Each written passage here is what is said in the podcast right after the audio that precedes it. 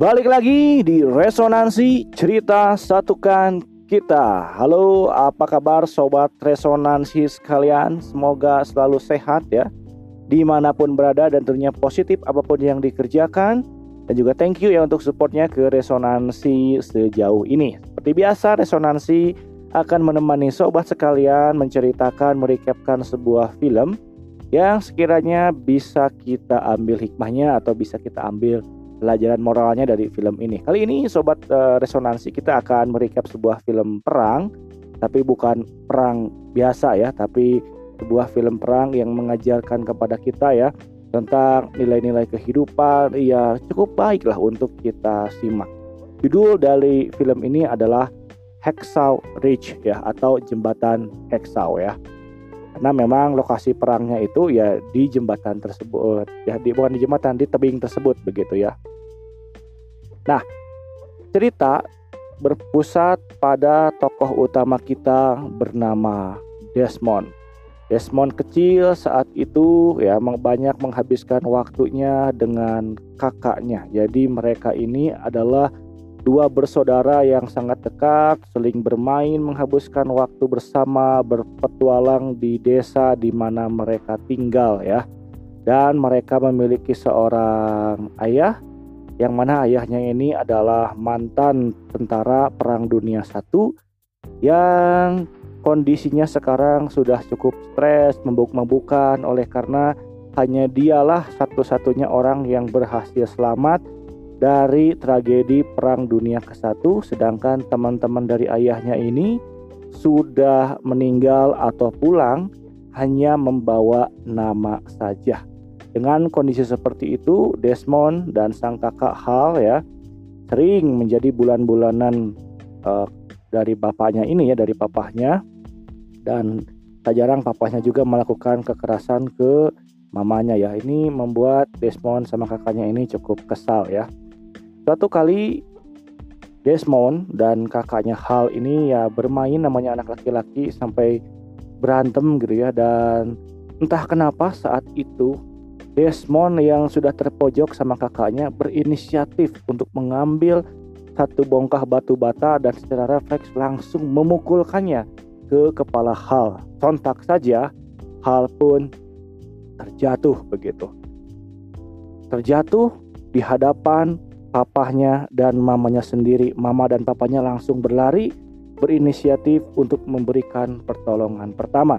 Sedangkan Desmond terbujur kaku, kaget, shock dengan apa yang baru saja ia lakukan dan apa yang baru saja terjadi begitu. Tapi ibunya mengingatkan kepada Desmond tidak usah khawatir, hal baik-baik saja. Tapi perkataan ibunya itu ternyata tidak membuat shock Desmond berlalu. Maka Desmond kecil pun melangkah ya menyusuri rumahnya dan dia melihat sebuah lukisan. Di sebuah lukisan itu terlihat dosa tujuh dosa besar dan dosa besar salah satunya adalah dosa membunuh begitu. Hal itu tentunya membuat seorang Desmond ya mengingat kejadian itu sebagai kejadian yang sangat-sangat memilukan ya sangat-sangat membuat dia itu seperti trauma dan tidak ingin mengulang hal itu kembali begitu. Dan cerita pun berlanjut ke Desmond yang sudah dewasa di mana Desmond yang sudah dewasa sangat berpegang teguh pada ajaran agama yang dia anut. Dia betul-betul menghindari tujuh dosa besar, ya. Jadi bukan hanya dosa membunuh, tapi dosa-dosa yang lainnya pun dia jauhi dan dia tuh bisa dikatakan bekerja di sebuah gereja begitu. Satu kali ketika dia berada di gereja, ternyata di tengah jalan di mana gereja itu ada, terjadi sebuah kecelakaan yang mana menyebabkan salah satu orang itu sampai pingsan berceceran darah di mana-mana. Sang Desmond muda pun segera keluar dan berusaha untuk menyelamatkan orang tersebut. Dia langsung membuka ikat pinggangnya, mengenakannya, mengikatkannya ke pendarahan yang ada di orang tersebut begitu ya dan segera membawanya ke rumah sakit. Di rumah sakit ternyata puji Tuhan ya. Puji Tuhan, alhamdulillah ya pokoknya syukurlah gitu ya. Orangnya mampu diselamatkan dan dokter mengatakan katanya ya kalau nggak ditangani dengan cepat nyawa ini mungkin nyawa orang ini mungkin sudah melayang begitu.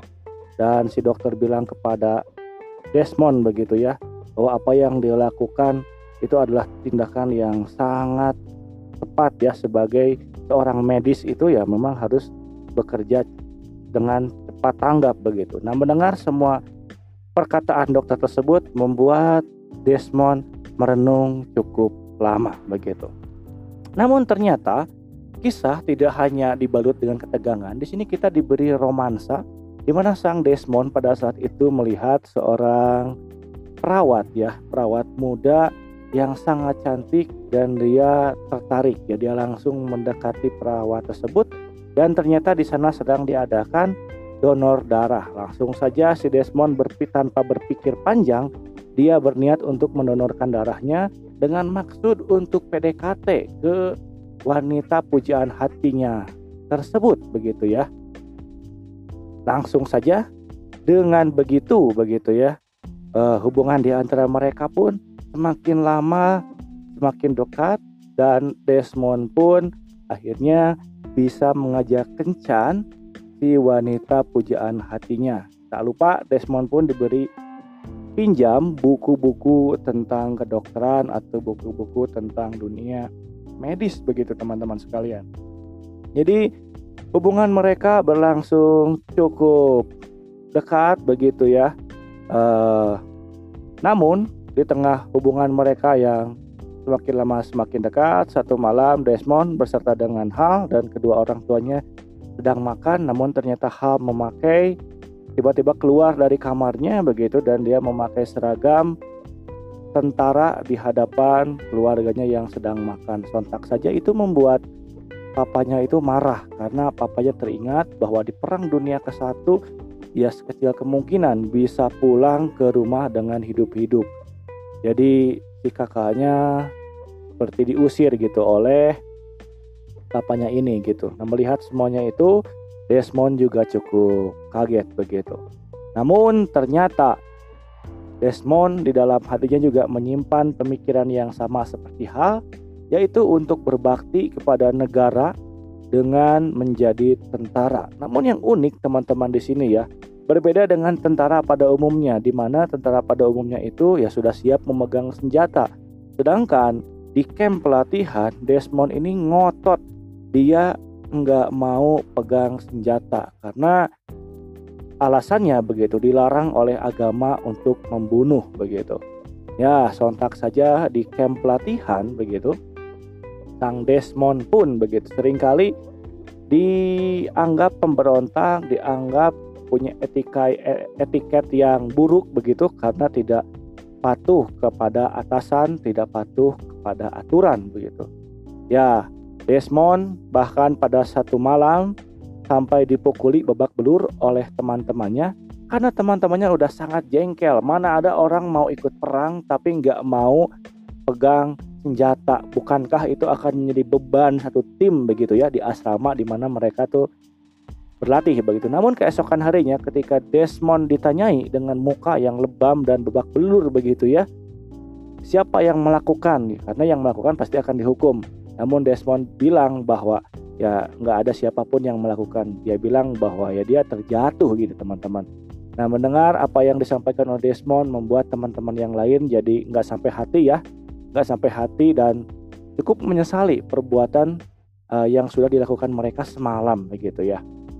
Dan ternyata teman-teman kisah asmara Desmond dengan sang kekasih pun masih terus berlanjut sampai mereka itu menikah ya. Sampai mereka menikah, namun ternyata panggilan perang pun um, segera panggilan perang pun ya segera memanggil dan di situ terjadi semacam perdebatan ya antara mengikutkan Desmond atau mengeluarkan Desmond begitu ya karena ya bagaimana bisa begitu menurunkan seorang tentara, seorang prajurit yang nggak pegang senjata. Nah, di tengah sidang di mana Desmond itu akan dikeluarkan, muncullah papahnya dengan membawa sepucuk surat yang menandakan bahwa surat itu sudah ditandatangani oleh katakanlah atasannya lah ya gitu. Karena saya kurang ngerti eh, pangkat atau golongan TNI tentara itu seperti apa gitu ya. ya yang intinya melalui atasannya ini si Desmond diizinkan untuk ikut perang karena eh, yang namanya ajaran agama itu diikuti dan dilindungi oleh eh, hak hak pemeluk agama itu dilindungi oleh negara gitu. Jadi negara tidak boleh sampai melarang seseorang begitu ya untuk eh, untuk untuk menganut apa yang dia yakini begitu ya. Dan ya memang Desmond juga pernah ditanyai kalau dia tuh sebenarnya ya uh, tidak mau membunuh tapi dia juga tuh harus berbakti kepada negara gitu. Dia bilang ya saya nggak mau pegang senjata tapi saya juga harus berbakti gitu. Nah ini di scene ini tuh terjadi semacam tegangan yang cukup apa ya, cukup mellow gitu cukup melankolis ya. Karena ada sisi di mana dia pengen mengabdi tapi ada sisi di mana dia juga ya nggak bisa uh, keluar dari ajaran agama yang dianutnya begitu ya. Itu ya jangan membunuh gitu. Ya tibalah kita di situasi perang di mana sebetulnya yang namanya perang tentunya beda banget sama latihan ya. Dan mereka itu ternyata pada saat di perang cukup tergoncang mentalnya karena mengetahui keganasan tentara Jepang yang rela mati bunuh diri sambil berlari membawa granat hanya untuk membunuh musuh. Dan ya itu cukup menurunkan mental tim Desmond begitu ya teman-teman sekalian. Dan ternyata betul saja ketika mereka memanjat begitu ya uh, Hexau ya tebing Hexau itu begitu. Dan mereka itu ternyata dijebak ya atau ya terkecoh sama strategi musuh yang tadinya sep, sunyi sepi gitu ya. Ya memang ada suara tembakan sedikit-sedikit begitu tidak terlalu ramai tapi ketika mereka memanjat dan mereka sampai wah di situ situasinya epic banget. Sampai teman-teman Desmond yang ada di barisan depan begitu ya itu hampir kebanyakan itu terluka. Nah biasanya medis itu cuma menolong barisan belakang dan barisan tengah. Tapi berbeda dengan Desmond dia tuh menolong sampai ke barisan paling depan tanpa senjata sedikit pun begitu. Dan di scene ini betul-betul cukup membuat bukan cukup, sangat membuat kita tegang ya, sangat membuat kita tegang. Nah, bagaimana tidak ya ada kaki yang putus, tangan yang putus, badan kebelah dua, usus berhamburan di mana-mana, darah udah jelas jangan ditanya lagi. Tapi seorang Desmond tetap berjuang. Bahkan pada satu kali ketika ada satu tentara yang sudah tidak seolah-olah sudah tidak bisa diselamatkan dan tim medis sudah bilang ya udah tinggalin aja cukup kasih obat penahan rasa sakit karena orang ini udah nggak akan mungkin bisa diselamatkan. Desmond tetap bersikukuh untuk menyelamatkan orang ini begitu. Melihat situasi yang cukup menyulitkan, akhirnya diputuskan untuk segera untuk kembali ya untuk menyusun strategi kembali dan menarik mundur tentara yang masih selamat begitu. Namun ternyata Desmond masih ada di medan perang dan ketika dia sendirian sebagai tim medis di medan perang ketika ya atasannya itu sebetulnya udah turun dan atasannya itu udah berusaha untuk meminta bantuan supaya yang udah ikutan perang di atas itu bisa diselamatkan namun ternyata sayang sekali, tim bantuan atau regu bantuan baru akan muncul besoknya. Jadi ya si atasannya Desmond ini cukup putus asa ya. Karena ya udah pasti pasukan yang di atas itu udah pasti mati begitu. Tapi ternyata Desmond seharian penuh berusaha untuk menyelamatkan orang-orang yang terluka. Dan ternyata satu demi satu dia tolong dengan cara sembunyi-sembunyi dari tentara Jepang begitu dan tanpa terasa waktu pun sampai malam ketika sampai malam ya stamina dia sudah habis, tenaga dia udah nggak ada begitu ya. Ya dia berkata kepada Tuhan, ya Tuhan berikan aku kekuatan untuk menolong satu orang lagi saja. Maka satu orang lagi diberikan untuk diselamatkan. Ketika itu sudah dilakukan, dia berdoa yang sama lagi, Tuhan berikan aku kekuatan untuk menolong satu orang lagi saja. Satu orang terselamatkan. Begitu dan begitu dan begitu terus. Sampai keesokan harinya ternyata ya orang-orang atau pasukan yang terluka sudah terselamatkan ya. Dan pagi hari ketika atasan Desmond begitu dia melihat ke tenda ternyata orang-orangnya itu yang dikira udah mati selamat. Dan dia bertanya siap siapa yang nolong? gitu. Dan mereka tentara yang terluka itu kompak bilang Desmond yang menolong mereka. Melihat apa yang sudah dilakukan Desmond, tentu saja menegur keras dan mengubah ya eh, persepsi mereka tentang Desmond. Dulunya mereka pikir Desmond hanya akan menjadi beban di perang ini karena dia tidak membawa senjata, dia hanya jadi tim medis begitu. Tapi melihat betapa begitu banyak orang yang diselamatkan oleh seorang Desmond begitu. Dan dia dengan berani menolong di tengah situasi yang kacau balau seperti itu membuat malu atasannya dan atasannya akhirnya berterima kasih dan juga menyampaikan ya e, rasa penyesalannya untuk apa yang dia sudah pikirkan tentang Desmond sebelumnya dan Desmond pun tentu saja uh, memaafkan semua itu dan ya situasi pun bisa terkendali pada akhirnya begitu teman-teman.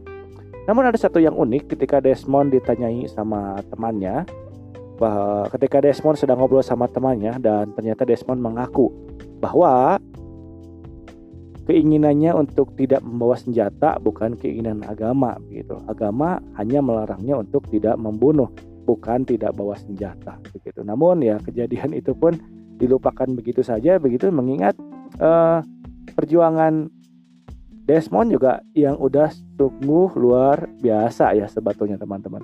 Jadi uh, keesokan harinya juga ketika perang akan dilanjutkan kembali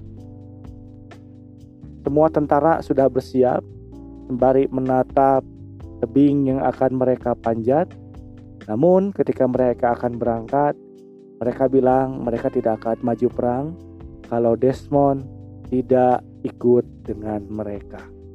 Dan akhirnya Desmond pun berdoa kepada Tuhan, meminta pertolongan dan ketika selesai berdoa, mereka siap untuk kembali melanjutkan perang bersama Desmond. Mereka pikir kalau ada Desmond begitu ya, karena pengalaman sebelumnya ada banyak orang yang diselamatkan oleh Desmond, maka mereka pun pasti bisa akan selamat karena Desmond ini dianggap sebagai orang yang beriman yang pasti dilindungi Tuhan gitu. Kalau Desmond dilindungi Tuhan ya melalui Desmond mereka juga akan dapat perlindungan dari Tuhan. Kira-kira seperti itu. Dan memang ternyata si Desmond ini pun ya sepanjang film gitu teman-teman diperlihatkan sebagai seorang penganut agama yang taat begitu. Bahkan pacarnya sendiri pun ketika Desmond harus melaksanakan uh, wajib militernya begitu ya. Pacarnya memberikan hadiah atau memberikan suatu Alkitab ya, kitab suci Kristiani yang mana di sela-sela waktu kita diperlihatkan Desmond selalu membaca Alkitab tersebut sambil melihat foto sang kekasih begitu ya atau sang istri nah, karena saat itu sudah menikah juga ya. Scene ditutup dengan posisi Desmond yang selesai berdoa dan tentara-tentara yang sudah siap berperang menunggu Desmond begitu teman-teman dan film pun berakhir. Well, itulah film yang berjudul Hacksaw Ridge ya. Satu film yang berdasarkan kisah nyata ya bahwa ada satu orang yang punya keteguhan kuat dalam memegang prinsip agama, namun dia juga punya keteguhan yang kuat di sisi lain untuk berbakti kepada negaranya. Desmond yang berbadan kecil dan tidak memegang senjata banyak diremehkan oleh teman-temannya. Namun ternyata di akhir kisah seorang Desmond berhasil menyelamatkan begitu banyak tentara, begitu banyak orang dan mendapatkan Medal of Honor begitu. Jadi hal yang bisa resonansi kali ini pelajari adalah tentang bagaimana kita berpegang teguh pada apa yang kita anggap benar, tetapi berpegang teguhnya bukan hanya cuma berpegang ya, tetapi melakukan yang terbaik sehingga orang juga bisa melihat bahwa yang kita perbuat itu adalah satu hal yang baik begitu. Hari ini begitu banyak orang yang uh, apa ya mengumbar ideologi begitu ya, mengumbar keyakinan. Tapi semua itu tampak sia-sia ketika tidak teguh begitu ya, ketika itu hanya berupa omongan saja begitu. Nah, berbeda dengan seorang Desmond, dia meyakini dan dia menjalankan yang terbaik sehingga orang juga bisa melihat. Jadi so apa pun yang sobat resonansi kali ini yakini begitu ya selama itu adalah benar, why not kita tetap terus berpegang teguh dan juga melakukan hal itu dengan konsisten ya, dengan konsisten dengan sebaik mungkin yang kita bisa sehingga orang bisa memetik hasil yang baik dari apa yang kita yakini. Bukan hanya sebatas kita saja yang yakin-yakinan, tapi orang juga pada akhirnya bisa diyakinkan bukan oleh perkataan kita tapi oleh tindakan kita ya. Kira-kira itu yang didapatkan oleh resonansi. Nah kira-kira menurut teman-teman apa sih yang teman-teman bisa pelajari dari film ini? Jangan lupa sampaikan di IG kita ya at resonansi podcast atau ke email kita yang ada di deskripsi ya. Atau kalau teman-teman punya rekomendasi film lain yang kira-kira oke okay, yang menarik untuk kita bahas jangan lupa disampaikan juga ya. Well, sobat resonansi di mana pun berada, thank you ya, sehat selalu dan akhir kata biarlah cerita satukan kita. See you the next episode. Bye bye.